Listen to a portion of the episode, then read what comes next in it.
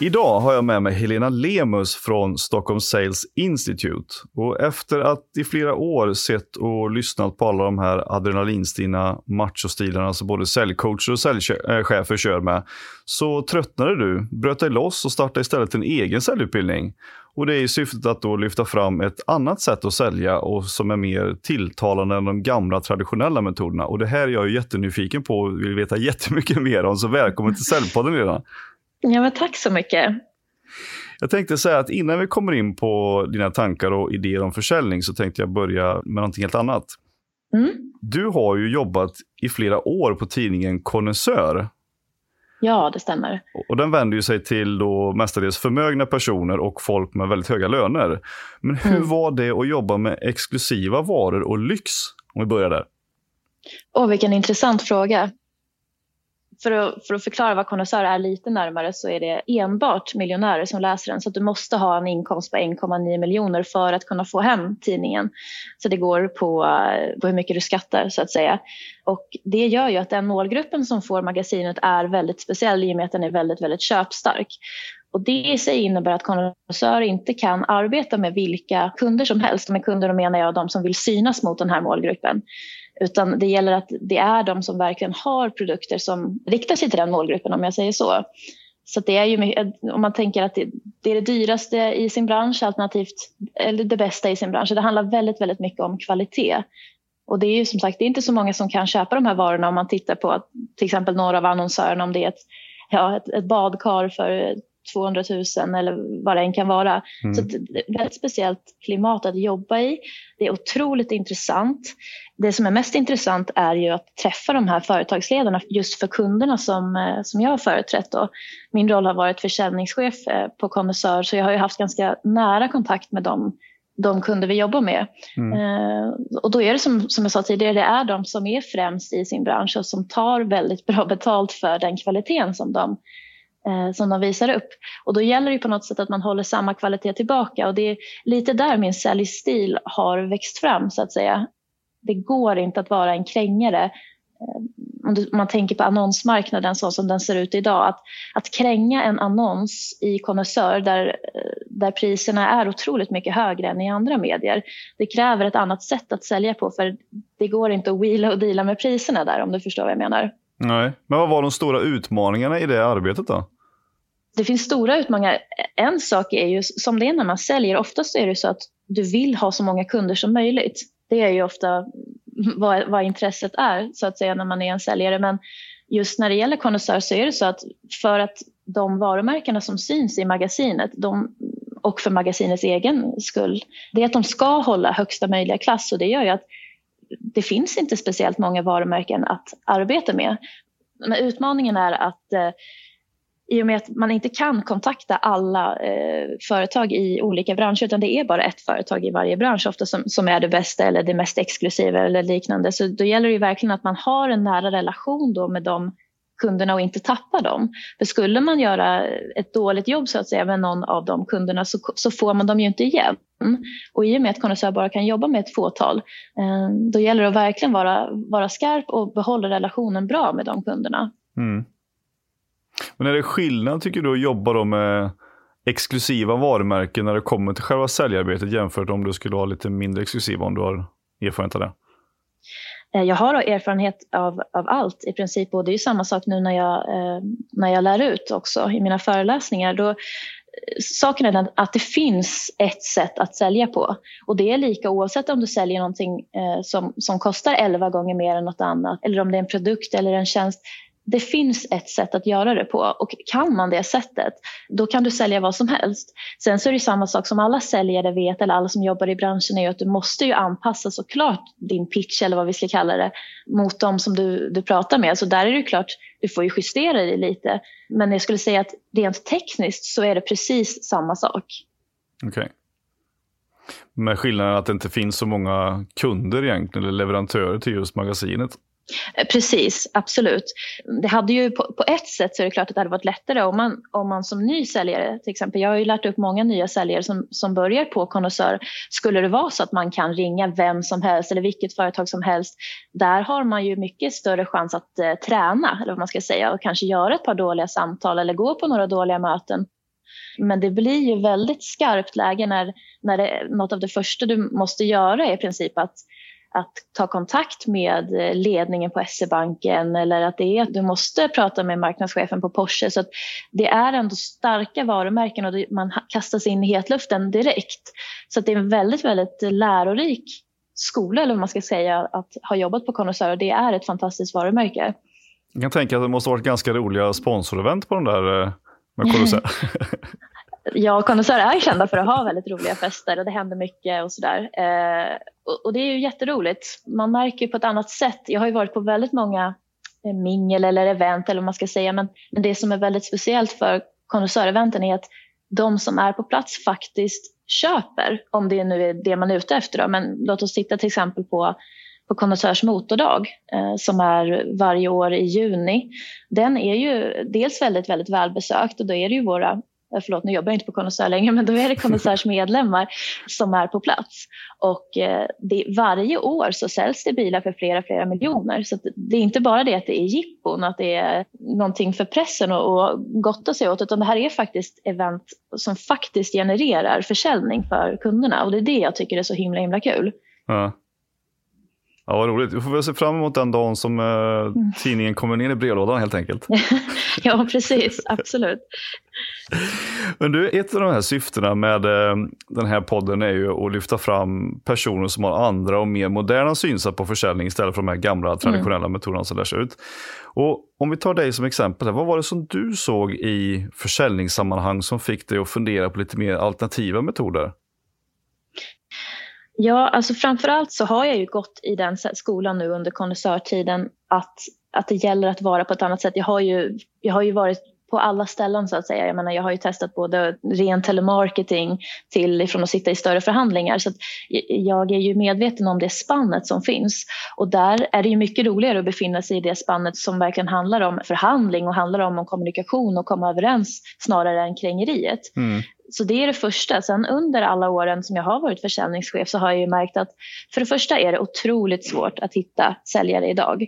Att hitta bra säljare är garanterat supersvårt. Mm. Men överlag att hitta säljare och det är egentligen det som, som pratas om mycket i branschen. Om jag har varit på möten med andra försäljningschefer till exempel så är samma fråga som dyker upp hela tiden och det är att det är så himla svårt att få tag i bra säljare. Och då har jag tänkt lite grann på det där och tänker varför är det så? Och eh, så som jag har sett jag är ju kvinna själv. Jag brinner väldigt mycket för kvinnofrågor och som du nämnde själv, så här med machostilen, det är ju någonting som jag tror skrämmer bort folk otroligt mycket från branschen jag är ju av den tron, vilket är ganska kontroversiellt tror jag för många, men jag tror inte att försäljningsförmågan är någonting som du föds med. Utan jag tror att det är precis som allting annat, någonting som du kan träna upp helt enkelt. Vissa är bättre än andra, såklart. Det är en fördel om du vågar vara utåtriktad, självklart. Är du alltför introvert så blir det ju svårt att föra fram din eh, ståndpunkt eller vad jag ska säga. Men jag tror fortfarande att det spelar ingen roll hur du är som person för att kunna bli en, i alla fall en bättre säljare om vi säger så. Mm. Och just det här så tror jag, jag tror att det här skrämmer bort främst väldigt många kvinnor. Det är få kvinnor i säljbranschen mm. idag. Om vi tittar på, på den rollen jag har, vilket är att jag har en säljutbildning. Det är otroligt få kvinnor, om ens någon. Nu ska jag inte säga att det inte finns någon annan, men, men det är otroligt få som profilerar sig inom området. Och det tycker jag är synd. Så det är en sak jag vill verka mycket för, att, att eh, förändra synen på säljbranschen så som den ser ut idag. Det är inte att man behöver vara macho. Det är absolut inte den stereotypen som vi ser idag. Och risken är ju att om man tror det, om man tror att det är stereotypen man behöver vara, då tänker man ju så här, nej men jag är ju inte den här personen. Jag är ju inte någon som är pushig. Jag är inte någon som gillar att gå fram till alla människor. Och att man därför då inte ens söker sig till yrket. Nej. Och pratar man till exempel så här i metoo-tider, om vi ska ta kvinnorna som exempel, eh, då är det ju väldigt, väldigt tråkigt att den här synen finns i och med att det hindrar en hel, det hindrar en hel um, yrkeskår från att kunna växa. Är du med på hur jag menar? Ja men absolut. Det är mer, jag, jag, tänker, jag undrar liksom var, varför man tänker sig att just adrenalinstinna macho-människor då liksom frodas inom sälj eh, traditionellt sett jag vet faktiskt inte varför det är så. Eh, men det, jag antar att det är någonting. Det har ju alltid varit så, så att säga. den här stereotypen är ju från grunden, om man, om man ska göra en karikatyr, då är det ju den här bilnasaren från USA. Alternativt någon som fångar dig på stan eh, och vill sälja någonting. Och jag tror att, nu ska jag inte säga media, men jag tror att den här generella bilden vi har av säljare är den har, den har skapats ur någonting, eh, ur en irritation. Och jag tror att vi behöver förändra den väldigt mycket. Det är många testosteronstinna stereotyper som har synts. Och jag tror att det är dags för hela näringslivet att släppa fram de här andra som har andra synsätt. Mm. Ja, för jag tänker liksom att de här säljmetoderna då som ja, kanske blir globalt populära på 70, 80 och 90-talet. Det, liksom, det känns ganska mm. utdaterade många av dem idag. Absolut. Eh, och, och, det funkar kanske liksom för ett antal år sedan, men liksom mm. efter 2008, den nya ekonomin, så känns det som att mm. det är lite annat sätt att sälja som har växt fram med lite mer mjukare värden och sådär. Men vad, vad tänker du om det? Då? Jo men det stämmer ju, absolut. Jag är ju av den tron, så här är det ju att idag har det blivit otroligt många som vill gå mer mot relationssälj. Så många jag har träffat till exempel när jag har anställt eller liknande, de vill gärna framhäva att ja, men jag, jag, är ingen, jag är ingen krängare, jag tycker inte om att, att pusha människor utan jag är mer en relationssäljare. Mm. Men där brukar jag faktiskt dra öronen åt mig för att jag ogillar relationssälj lika mycket som jag ogillar krängeri.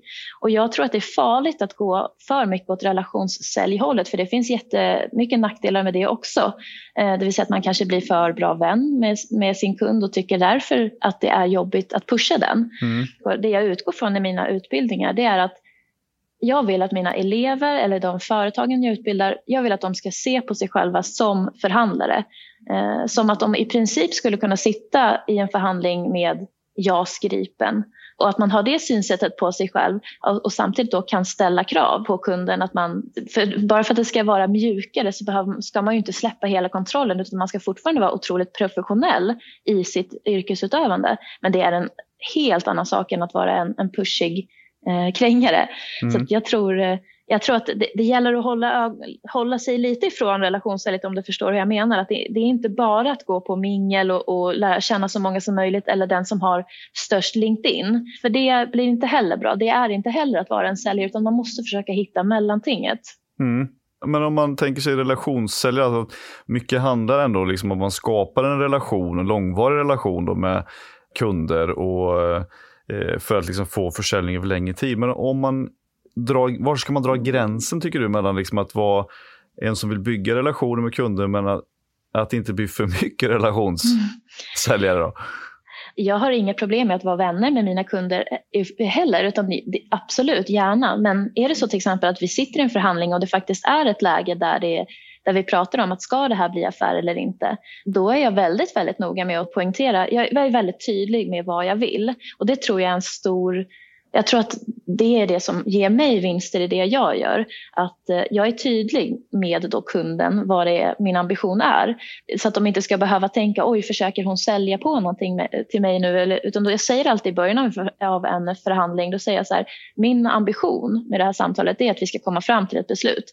Om det är så att vi behöver vänta så gör vi det också. Men jag vill ha, jag vill ha ett beslut och jag vill ha eh, en, en dag och en tid när vi hörs härnäst.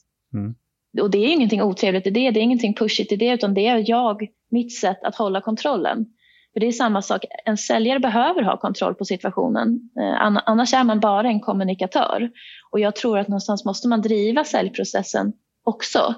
Sen kan man ju skratta och skoja och vara hur personlig och nära som helst. Jag har jättemånga nära relationer med mina kunder. Men sitter jag i en säljsituation och, eller sitter jag i en förhandling, då då behöver jag kunna ha den pondusen och ändå säga att jag vill i alla fall att vi bestämmer en dag och en tid. Om man får in det i sitt, eh, i sitt arbete då har man kommit en, en bra bit utan att vara överhuvudtaget pushig eller eh, krängig. Nej. Nej, jag menar det går ju att överlåta till kunden att fatta det beslutet om när vi ska ses. Så då handlar det ändå om kundens eh, tid på något sätt. Ja, men absolut. absolut. Men varför Helt tror du att, eh, att det är så få tjejer som eh, är inom försäljning då, även fast det har börjat att luckras upp lite med de här eh, stereotypa macho-bilderna mm. som har varit tidigare. Men varför är det fortfarande så lite tjejer tror du som jobbar med försäljning? Ja, så jag skulle säga det att det tar otroligt lång tid att luckra upp det här. Om man tittar generellt så är det ju så att, att kvinnor fortfarande ses på ett sätt som lite mjukare kanske, lite mer omhändertagande eller vad man ska säga. Eller det kan vara så att det tar uttryck i att man är mer av en coach, eh, alternativt man jobbar mycket med eh, retorik. Det finns ju många sådana exempel på, på jättegoda talare i Sverige som är kvinnor som för fram hur man pratar rätt och ledarskap och så vidare. Men just sälj, där verkar det som att man håller sig lite ifrån. Och jag tror att det är för att det är fortfarande män som syns på marknaden. Om vi tittar på de eh, personligheter som finns inom sälj idag. Mm. Vi har ju till exempel Fredrik Eklund har ju varit jättestor men när han kom ut med sin bok, det var ju mm. många som refererade till honom. Tittar vi på Mikael Arndt till exempel, skrivit många böcker och har eh, sin säljskola och så vidare. Är det de profilerna som enbart syns i media eller syns och ehm, ja, eh, för sin talan så att säga, då blir det så att det är den synen man har. Och båda de är ju ganska, de säljer ju på det sättet som de gör, eller vad man ska säga. Mm. Så att jag tror att det är för att det finns inte, nu säger jag inte att det här enbart är för kvinnor, men jag tror att man behöver förebilder eh, inom branschen som visar på ett annat sätt. Som visar att det är, jag tror i stort så behöver man höja statuset på yrket säljare, för det är någonting av det av det mest komplicerade man kan vara. Mm. Det är en väldigt fin sak att kunna lyssna så pass mycket på en människa att du faktiskt kan erbjuda någonting som gör, om, oavsett om det är vardagen lättare eller om det hjälper företaget eller vad det än är. Men att, att hjälpa kunden att guida till ett beslut, det, det är det är få som kan för att de inte har lärt sig. Och därför så tror jag att höjer man status på yrket Förändrar man synen, stereotypen? Jag brukar fråga ganska mycket i mina utbildningar, bara på skoj. Så här, vad är en säljare för er? Mm. Och då får jag alltid upp samma. Det är en man, eh, portfölj, kavaj, väldigt pratig. Alltså. Ja men, ja men exakt. Mm.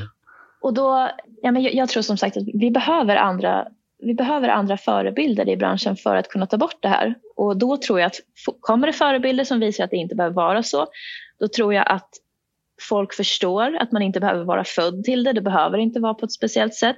Fler vågar prova säljyrket och vågar fler prova eh, så blir det ju fler säljare på marknaden och det tror jag gör att svenska företag kommer gå mycket bättre.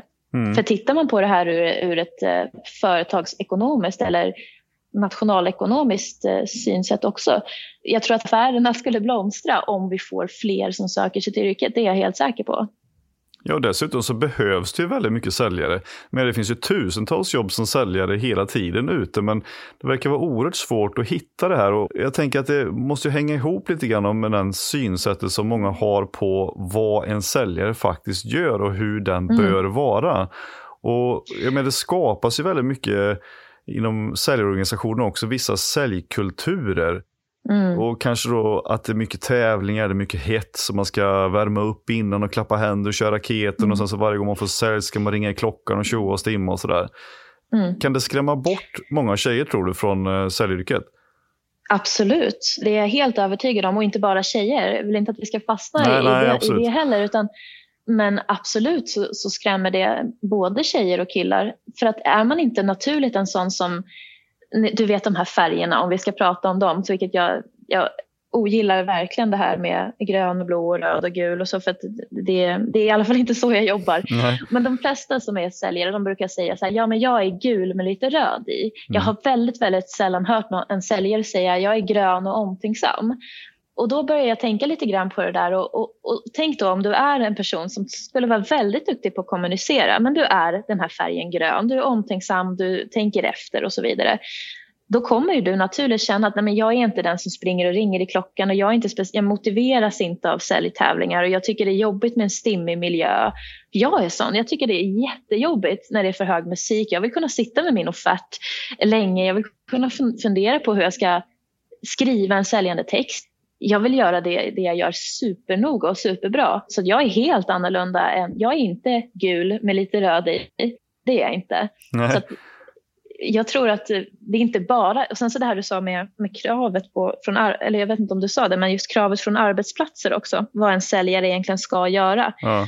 Där tror jag också att arbetsgivare inom den här branschen har ett jätteansvar att, att försöka tona ner det här. Och jag vet många som säger att det är så stressigt eh, att vara säljare, man hinner inte gå på toa och eh, lägger en slags, eh, att det ska vara någonting bra att börja så tidigt som möjligt på morgonen och den som sitter längst och den som säljer mest. Och jag vet inte, jag tycker man ska ta ner de här kraven och, och se det för vad det egentligen är. Det här är ett, ett högprestationsyrke där du behöver använda din hjärna hela tiden när du pratar med en kund. Alltså från start till mål måste du vara alert hela, hela tiden. Mm. Eh, och det är det jag vill att man ska se säljyrket som. En, en konst, någonting som man faktiskt är riktigt, riktigt bra på. Det, det är inte bara att plocka ordrar. Så att, eh, jag känner själv att jag har ett jätteansvar att försöka förändra den här branschen. Men jag tycker också att arbetsgivare har det, ställer inte för höga krav på säljare för att risken är att de slutar och så sitter du där igen och har inte någon säljare och det är svårt att hitta en ny. Plus att den här som var säljare då tidigare som lämnade ditt företag kommer ju förmodligen inte vilja söka sig till säljyrket igen och då har hela branschen tappat en potentiellt bra medarbetare. Mm. Jag håller helt med. Och jag, menar, jag är inte heller någon särskilt röd eh, personlighet i säljsammanhang utan tvärtom. Jag, jag är nog säkert eh, mer åt ditt håll också, att man är lite mer till gröna och lite ja. omtänksam och lite mjukare och sådär. Och, mm. och, jag har heller aldrig trivts i, liksom, i den typen av miljö där det ska hetsas och man ska liksom slå varandra på ryggen och ryggdunkning och hålla på sådär. Eh, mm. Utan jag vill, liksom, jag vill också vara lite mer ja, men tänka lite mer på kunden främst istället för att mitt eget resultat ska vara det första. Absolut. Jag vill att det ska kännas bra för dem och att de ska kunna komma tillbaka, de ska kunna ha diskussioner över längre tid och sådär. Mm. Men sen så undrar jag liksom, varför skapas då de här säljkulturerna på olika företag där det här verkar vara i många fall det alenarådande, att det är så det ska se ut? Ja, det där är en jättesvår fråga att svara på. Eh, jag har ju tänkt på den många gånger, men jag vill återigen gå tillbaka till de utbildningar som finns idag, om man tittar, då är det ju faktiskt väldigt mycket det som lärs ut. Det är väldigt mycket be om orden, eh, be om orden tio gånger så kommer kunden säga ja. Det, det är mycket det som kommuniceras ut. Och jag var på en föreläsning en gång, eh, det var faktiskt då som hela den här branden i mig började gällande det här med säljkulturen, för att då stod det ett gäng, det var män i hela lokalen. Det är helt okej, okay. det är ju så, så det ser ut, men det var män i hela lokalen. Jag var ensam försäljningschef som var kvinna och på scenen så stod det tre, också män som hade eh, gått en säljskola och ropade testo, testo, testo. Och då känner jag bara så här, men gud har vi inte kommit längre än så? man får gärna ha testosteron, även kvinnor har testosteron att, att eh, använda och det är inget fel i att vara röd. Jag kan vara superbestämd i mina förhandlingar men hela den här andra kulturen, det här med hetsen som du nämner och ja, men bara det att stå och klappa och hetsa upp varandra och klinga i klockan och sådär. Ja, jag vet inte. Jag vet faktiskt inte var det kommer sig ifrån, men jag tror att det föds redan i säljutbildningssammanhang. Mm. Och där vill ju jag som säljutbildare verkligen ändra det. Jag vill förmedla säljtekniken, den tekniken som faktiskt fungerar. Jag vill att alla som har gått min utbildning verkligen ska kunna den från start till mål. För att there is a tech, som man brukar säga. Men eh, jag vill också ingjuta i dem det här som jag sa tidigare, att du är en förhandlare. Se på dig själv som en förhandlare. Och därför så blir det naturligt att ta avsteg. Jag tror inte att Carl Bildt, när han har förhandlat i, i EU, klingar i en klocka. Utan jag vill hellre att man ser på sig själv som Carl Bildt. Ja. Ja, är det ja, är inte så troligt. Det är många, nej, exakt. Men jag tror att det är många instanser som måste förändras. Hela utbildningssvängen måste förändras. Arbetsklimatet för säljare måste förändras också. Jag vet många företag där säljarna är liksom en separat kår ja. och inte egentligen är en del i företaget på samma sätt och det blir jättekonstigt eftersom de är ju de viktigaste som finns på företaget oftast. Ja, ja men precis. Och jag tänker liksom varför man har så lite då förståelse för säljarnas vardag och man från ledningshåll många gånger säger bara men tryck ut det här på säljaren, det måste de kunna fixa. Mm. Eh, höj 10% till för då kan de springa lite fortare och, mm. fast de ska göra själv för sin lön och så vidare, de tjänar så bra. Mm. Men hur, hur kommer man runt det där? Ja, jag tror, att, jag tror att det är en process som kommer ta tid, det är jag säker på. Men eh, Sen är det ju så, det är ju bevisat ändå att du behöver vara ganska skärpt för att göra bra affärer. Så är det ju. Du behöver, du behöver prestera ganska högt. Det är ett, ett prestationsyrke. Så, men jag tror att de som söker sig till sälj, om man är intresserad av att övertyga någon att prata på ett sådant sätt, eh, ett kommunikativt sätt som övertygar någon, då tror jag att man, man har det på något sätt i sig. Jag tror inte att man behöver den extra pushen så mycket från chefer som chefer tror. Utan jag tror att låter man, för det har jag märkt nu också i rollen som försäljningschef, att ger man lite mer ansvar, ger man lite, lite mer än normalt till de här säljarna och inte alls försöker styra dem, utan jag är så här, jag, jag vill gärna se att en person har tagit sin månadsbudget och jag är gärna med varenda steg om personen vill det. Jag kan ägna, nu är jag inte försäljningschef längre men jag tänker på min egen personal. Mm. Är det så att man vill ha mitt råd så kan jag, jag kan avvara en hel dag och sitta bredvid dig om du vill. För att jag är så mån om att det ska gå bra för den här anställde då, mm. för, för hans eller hennes skull. Men jag, jag, är inte den typen av chef som hela tiden övervakar eller hela tiden säger, utan jag väljer att lita på min personal och det tror jag är jätteviktigt. Har man ett prestationsjobb så som försäljning är, då måste man kunna släppa taget lite till säljarna och lita på att ja, men om jag tar bort pressen, för det är ju pressen som förstör för många. Mm. Det har jag själv känt att får man, får man press på sig då är det svårt att vara öppen och kreativ och kunna lyssna på kunden och då är det lätt att man hamnar i det här krängeriet. Mm. Så det är det jag skulle ge, vilja ge som råd till företagsledare att ta ett steg tillbaka hellre. Då kommer personalen utvecklas bättre. Tar man bort stressen och hetsen från dem så kommer de producera bättre. Så man får ha lite is i magen som företagsledare också tror jag. Annars så bränner man ut säljarna. Det är ju det som, som man ser överallt. Jo men precis, och det, jag tänker att många som kommer in då med löften om kanske höga löner och många gånger kanske sitt första jobb också. Mm. Att, man, att man ska vara högpresterande och chefen säger men presterar du inte så får du inte vara kvar och då måste man se till att få in så mycket order som man kan och sådär. Och det är mm. egentligen bara en chimär för mig. Det är ingen som säger att, så att det måste vara så. Det är bara att cheferna Absolut vill ha in, tjäna så mycket pengar till bolaget som möjligt. Ja. Och då skapar man den säljkulturen. Mm, precis. Och det blir otroligt kontraproduktivt för att det är också det som sen är anledningen till att man inte hittar bra säljare. För att jag har varit överlycklig när jag har hittat eh, bra säljare som jag fortfarande tycker är väldigt bra eller som jag har bra kontakt med och som jag har lärt upp och som idag är en av, eller nu tänker jag speciellt på en kille, men eh, flera av dem som är faktiskt otroligt duktiga förhandlare och några av Sveriges duktigaste. Mm. Måste, alltså att anställa och hitta nya säljare och kanske låta dem rekrytera, alltså rekryteringsprocesser, det kostar hundratusentals, alltså kanske miljoner kronor varje år, bara för att hitta mm. nya säljare istället för att tänka om i säljkulturen så att de stannar kvar. Ja, men precis. Jag håller helt med dig där och det där är någonting som eh, som måste ses över och jag ska göra det jag kan genom att prata i olika kanaler om det för att jag vill att, det, är som det med allt annat, det behövs lyftas upp. Jag tror att majoriteten av Eh, ja, om vi pratar Sveriges befolkning, de har ingen aning om att det här ens är ett problem. Men jag tror att tittar man dessutom på företagsnivå så tror jag att de har inte heller riktigt uppfattat det här som ett problem. Men det är ett problem, för har du bränt ut en säljare som, om vi säger att det är det första jobbet den tar efter studenten till exempel om det är någon lite yngre. Den kommer vara så rädd för att ta ett säljjobb i framtiden och då har vi återigen tappat en potentiell eh, en potentiell talang som hade kunnat vara jättegivande för svenskt näringsliv. Mm. Så att jag tycker alla har ett gemensamt ansvar där att, att faktiskt se det här som ett problem. Och jag blev lite, jag ska inte säga glad, över, jag är glad över metoo-rörelsen, att det var mycket som lyftes upp där. För jag tänker att just kvinnor är en ganska förbisedd bransch eller förbisedd målgrupp eller grupp när man tittar i den här branschen. Och kan vi få in dem, ja, men helt plötsligt har vi 50% mer arbetskraft. Mm. Helt enkelt. Så um, det behövs ändras ganska mycket på många fronter. Vad tycker du är det huvudgrejer man behöver ändra på då för att det ska ske? Man måste lära utbildning. Det är det som jag brinner för givetvis. Men jag tror att allting behövs. Jag behöver utbilda personal, men jag behöver också utbilda företagsledare i hur tar man hand om en säljpersonal mm. Eh, för att de ska stanna så länge som möjligt? För jag vet att det är ett problem för alla och jag, folk är intresserade av att veta en lösning på det. Så jag tror att utbildning, utbildning, utbildning och rätt typ av utbildning också. Det går att, att gå eh, utbildningar för att bli en krängare, du kan bli jätteduktig men jag tror att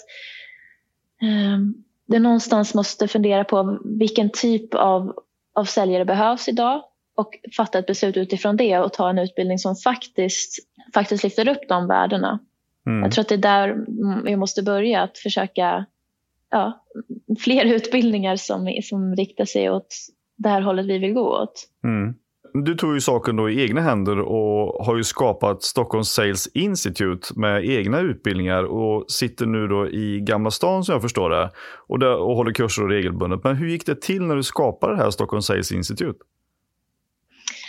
Ja, eh, ja men det stämmer. Vi, vi sitter i Flemingska palatset eh, precis bredvid slottet i Gamla stan. Och, eh, ja, det, det var ju just den här situationen som jag berättade kort om tidigare. Att jag var på ett, ett möte som försäljningschef ehm, och fick se egentligen den här sidan av branschen som jag inte har tänkt på tidigare eftersom jag har jobbat på ett annat sätt. Men när det blev så tydligt för mig så kände jag verkligen att det här måste förändras. Det här måste någon ta tag i och göra någonting åt. Och därför blev det rätt naturligt att starta det här bolaget.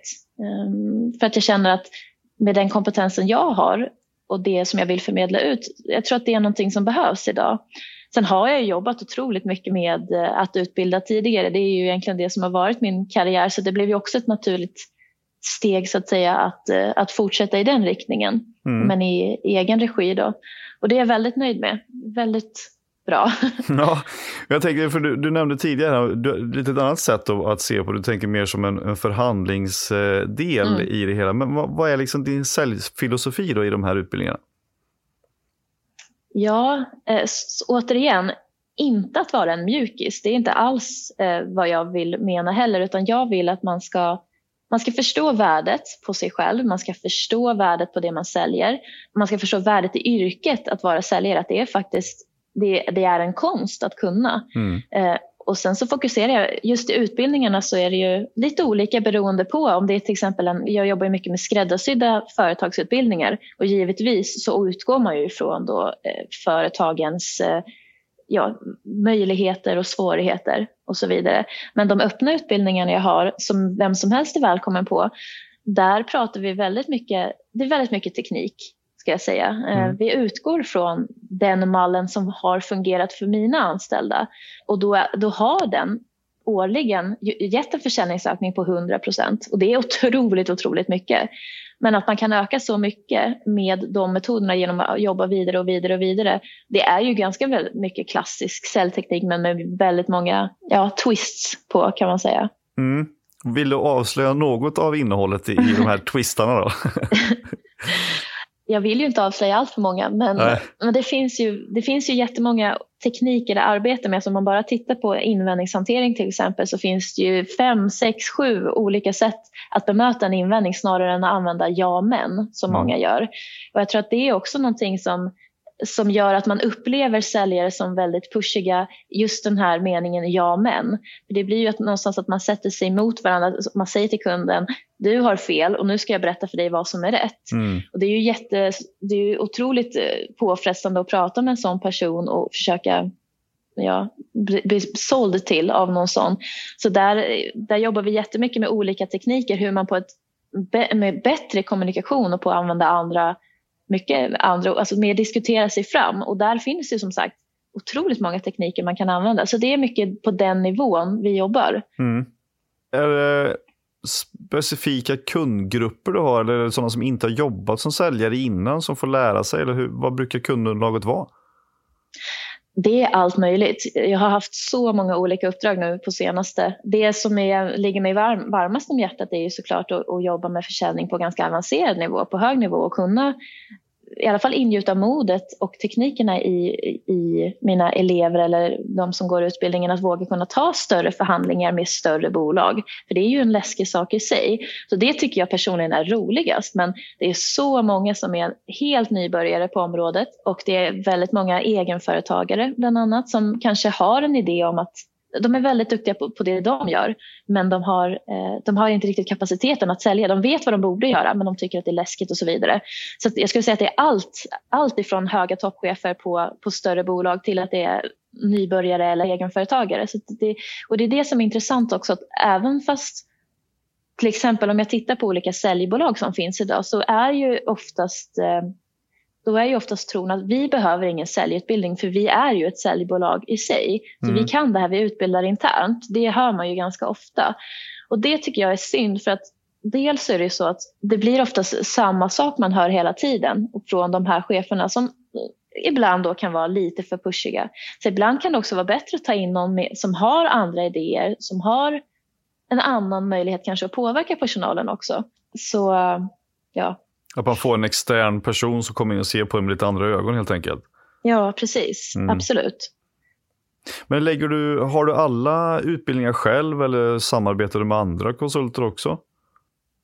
Jag har de flesta utbildningarna själv. Jag väljer att ta färre uppdrag för att jag vill ta dem själv. Däremot så, jag jobbar med ganska många säljare som är konsulter till mig, som jag kallar mina anställda. Då, men än så länge så tar de inga utbildningar utan det gör jag själv. Så det blir ju väldigt mycket åkande, det blir väldigt, väldigt många olika människor att träffa. Men det är intressant och jag lär mig ju varje dag också och tillgodose allas behov eller vad jag ska säga. Mm. Men, men vilka vänder du till primärt då med Stockholm Sales Institute? primärt det, egentligen så är det allihop. Det är både egenföretagare, det är företagspersonal och det är eh, privatpersoner. Privatpersoner har kanske inte, de kanske inte tänker att de har nytta av sälj, att man behöver kunna sälja någonting. Men, men faktum är att man säljer sig själv hela tiden. Det, det är också ganska klassiskt citat, men det är ju så. Till exempel om du föreställer dig situationen att du ska förhandla din lön. till exempel. Många tycker att det är jätteläskigt att gå på sitt eh, lönesamtal. Mm. Där vill jag gärna, det är ju precis som jag sa tidigare, det är samma tekniker som används oavsett om du ska höja din lön, oavsett om du ska försöka hålla bara en presentation för någon eller om du faktiskt ska sälja någonting jättedyrt. Så där vill jag lära de teknikerna som du kan använda där. Nej, men det handlar väldigt, väldigt mycket där också bara bara ta reda på det egentligen. Så vad, är, vad är det personen vill höra? Och sen så, nu låter jag otroligt manipulativ, men det är inte det, utan det, det är det att det finns en teknik att göra allting på. Gör man det rätt så känns det bra för både dig själv och för den du försöker påverka, om det är kund eller liknande. Mm. Eh, Sen så är det ju otroligt mycket, mestadels är det givetvis att utbilda företag. Eh, det är ju den, den stora biten så att säga och det är där jag också tror att den största skillnaden kan göras. Att prata med personalen och kanske ta upp de här frågorna med dem också. Att, eh, hur känner ni er i er säljroll?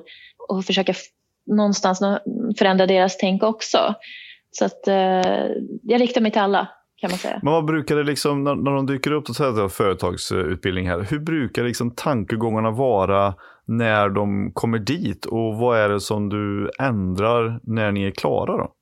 Ja, jag tror att eh, jag tror att jag har en förmåga att få dem att, att se på sig själva som en förhandlare snarare än en krängare. Och jag tror att det synsättet, bara att, att komma på det, att det finns en skillnad tror jag gör väldigt mycket. Jag tror att det leder till att man agerar på ett annat sätt.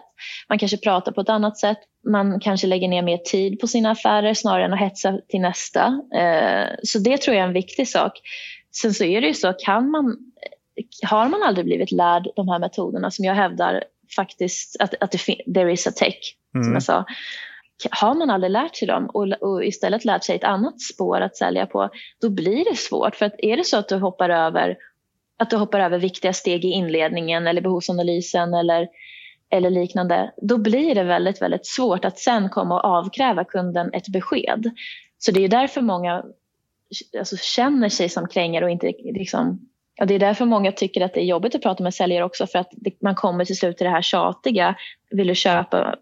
Vill du köpa? Vill du köpa? Mm. Så jag tror att mina metoder, eller jag vet det, att mina metoder är mer förhandlande, det är mer diskuterande med kunden. Det är mycket, det är mycket mer humant, eller vad man ska säga. Och det, det, är, det tror jag är bra på att förmedla till mina elever. Mm. Men på vilket sätt blir det liksom mer förhandlingsdel och humant? Om du kan konceptualisera lite, du behöver inte berätta i detalj hur du gör men... Nej men till exempel, om, om vi ska ta ett exempel bara så mm. på Konnässör, så det är ju ett magasin och som jag också sa tidigare så handlar det om att eh, mycket är ju att få de här företagen att annonsera i magasinet. Och där har man ju till exempel ett val att varje dag försöka, nu behöver vi inte prata om konnässör just, men, men i vilket annat magasin som helst då, mm. att man kanske så har en, en halvsida man behöver fylla med en annons. Så kan man välja att bara ringa på det till exempel. Du kan ju sälja halvsidor, halvsidor, halvsidor för små pengar hela tiden och få in massa ordrar, klinga i klockan hela tiden, få massa high fives. Men det sättet som jag gärna lär ut till, till de jag har jobbat med tidigare och de som jag jobbar med nu, det är att tänk lite större. Tänk ja, återigen ta upp Carl Bildt eller JAS Gripen. Tänk att du förhandlar det och, och ser det större. Så att till exempel på Connoisseur så, så utvecklade jag mer att se en, en, större relation med kunden. Att lägga upp ett treårsavtal istället. Att låt oss titta på, okej okay, vad vill ni vara om låt oss säga tre år. Mm. Vad är er ambition? Att man frågar företaget verkligen, man kartlägger noga. Det är otroligt viktigt. Vart är ni idag? Vad vill ni vara om tre år? Och vad tror du, eller vad tror du själv behöver, behövs göras för att ni ska kunna komma dit?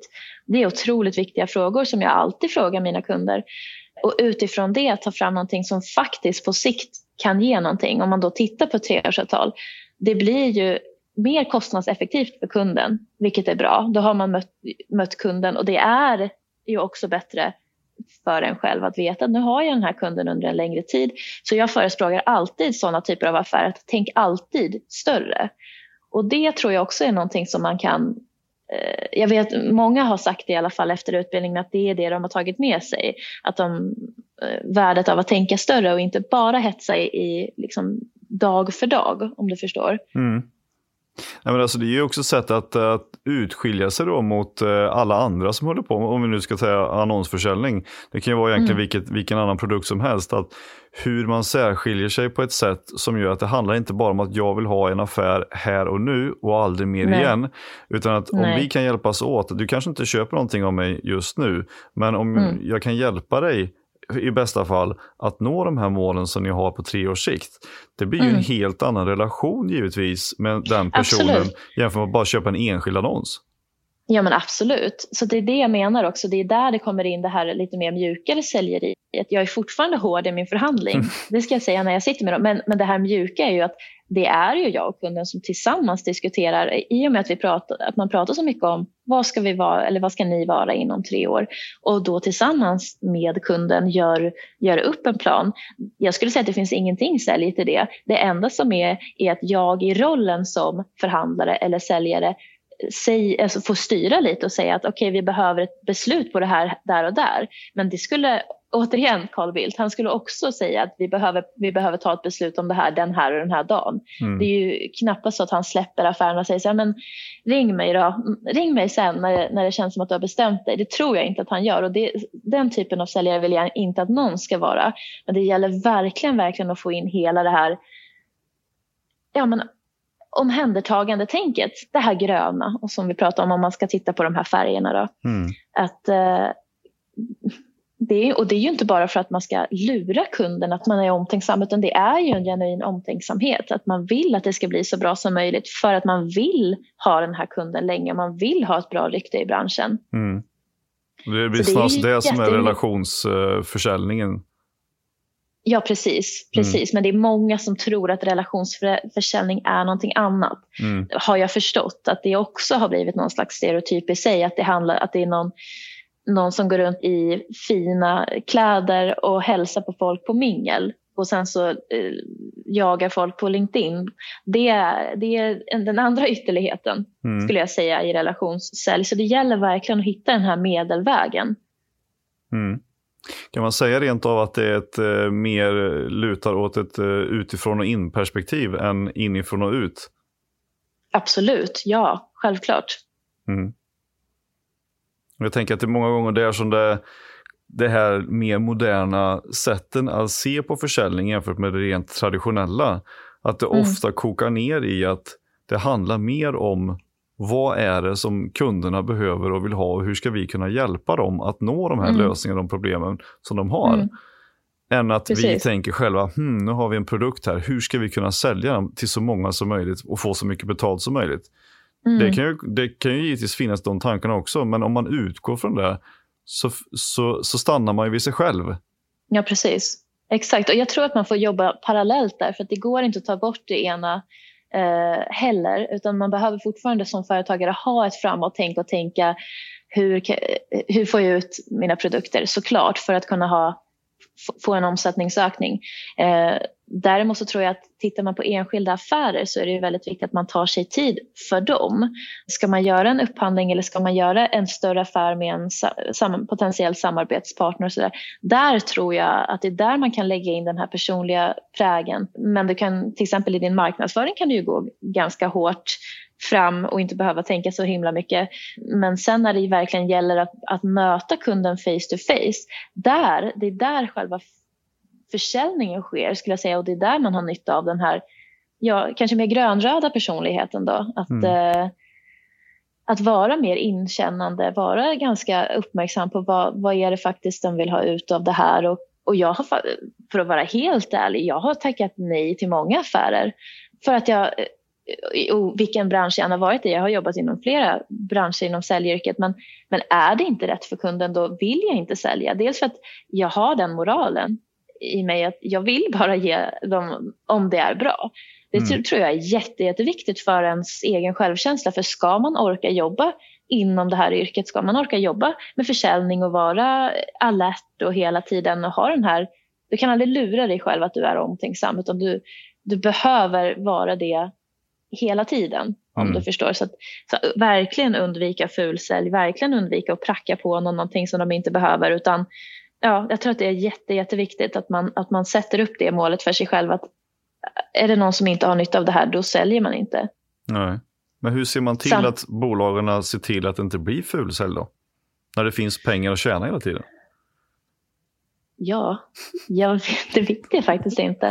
Nej, men det måste ju också finnas någon slags företagskultur. Att, att jag, har jobbat med, jag jobbar mycket med policies. Att finns det ett skrivet policy så är det det man håller sig till. Till exempel fair price policy. Mm. Jag, eh, jag jobbar sällan med rabatter till exempel. För det kan, det kan slå så fel att man ger någon rabatt och då blir det dåliga miner från något annat håll plus att det förstör branschen utan det är bättre att sätta ett pris.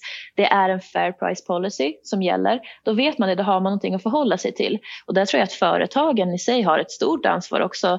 Det är ju såklart kommer individer vilja göra så kallade fulställ, det tror jag. Finns chansen där så är det många som tar den och det är jättesvårt att komma ifrån. Mm. Det är samma sak som med all typ av kriminalitet eller vad det än är. Att tillfället gör tjuven eller vad man ska säga. Men, mm. men jag tror att det är upp till företaget att ha den typ av kultur eller den typ av policy och verkligen tycka att det är viktigt tror jag. För att det är ju företaget som är ansiktet utåt som, som ju drabbas. Så att, eh, mm. Jag vet inte, jag tror att det återigen handlar väldigt mycket om att jag tror att många av dem, om vi ska nu prata fulsälj, att om det är någon som, som gör det, och, vilket det är, och, och då är, gör man det utifrån någon form av yttre piska, utav en äh, yttre hets som kommer till en. För att man, det kanske var det är så här, om inte jag tar budget den här månaden så får jag inte jobba kvar. Det kan ju vara så illa. Mm. Att nu har jag sålt dåligt här i två månader, fan chefen är inte glad på mig.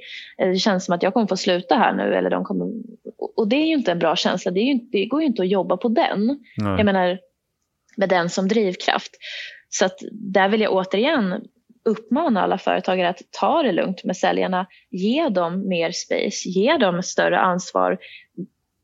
Håll inte koll på dem hela tiden då, utan låt dem då, någonstans har man ju anställt dem för att man tror att de ska klara det här arbetet och visa det då. Visa att du är ja, redo att låta den här personen ta sitt eget ansvar. Då tror jag att så mycket släpper mm. eh, av pressen och då tror jag att fulsälj minskar otroligt. Mm. Men slutligen då, hur gör man enklast för att, om man vill gå en utbildning på Stockholm Sales Institute? Ja, vi har en hemsida som är stockholmsalesinstitute.se. Där står det lite grann om dels den, ehm, den öppna utbildningen som är en gång i månaden. Mm. Första helgen i varje månad. Och eh, sen så, som sagt så finns det också möjligheter att göra en, en skräddarsydd säljutbildning för företag. Så ta gärna kontakt med oss så, så fixar vi någonting bra. Just det ska lägga upp en länk på, på hemsidan också och till det här avsnittet. Då. Ja. Mm. Men du, tack så jättemycket Lena för att du tog dig tid med Säljpodden och delade med dig av dina erfarenheter om säljkulturer och eh, säljutbildningar. Och ja, tack så mycket. Eh, dina insikter om hur vi ska få bort det här också i framtiden med fulsäljet. Ja, verkligen. Nej, men nu, nu hjälps vi åt allihopa att ta tag i det här, tycker jag. Jag håller med dig. Och lycka mm. till med alla utbildningar på Stockholm Sales Institute. Ja, men tack snälla och tack för att jag fick komma. Absolut. Ha det gött. Ha det bra. Tack.